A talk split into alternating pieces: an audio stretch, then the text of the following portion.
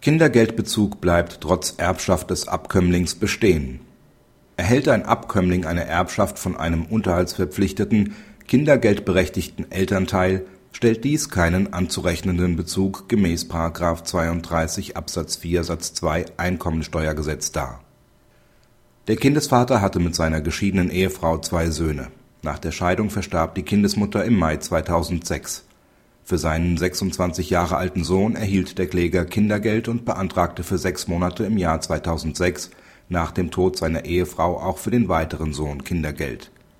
Die Familienkasse lehnte den Antrag ab und hob gleichzeitig die Festsetzung des Kindergeldbezuges für den anderen Sohn auf, weil die von der Erblasserin an die Kinder vererbten Vermögenspositionen, Aktiendepots, Sparguthaben und Eigentumswohnungen einen Bezug gemäß § 32 Absatz 4 Satz 2 Einkommensteuergesetz zugunsten der Kinder darstellten.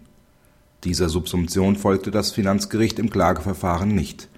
Gemäß § 32 Absatz 4 Satz 2 Einkommensteuergesetz ist ein Kind nur zu berücksichtigen, wenn es Einkünfte und Bezüge, die zur Unterhaltsbestreitung oder Berufsausbildung bestimmt oder geeignet sind, von nicht mehr als 7.680 Euro pro Kalenderjahr bezieht als Bezüge sind sämtliche Zuflüsse in Geld und Naturalleistungen zu werten, die nicht im Rahmen der einkommensteuerrechtlichen Einkunftsermittlung erfasst werden. Die Erbschaft steht bei beiden Kindern mangels Zweckbestimmung zu ihrer freien Verfügung. Nur die aus dem geerbten Vermögen resultierenden Erträge und Einnahmen stellen anrechenbare Einkünfte dar.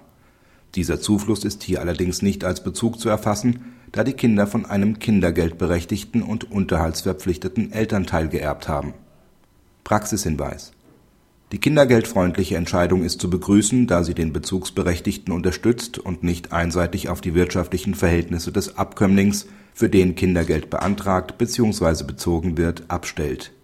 Gegen die Entscheidung ist Revision zum BfH eingelegt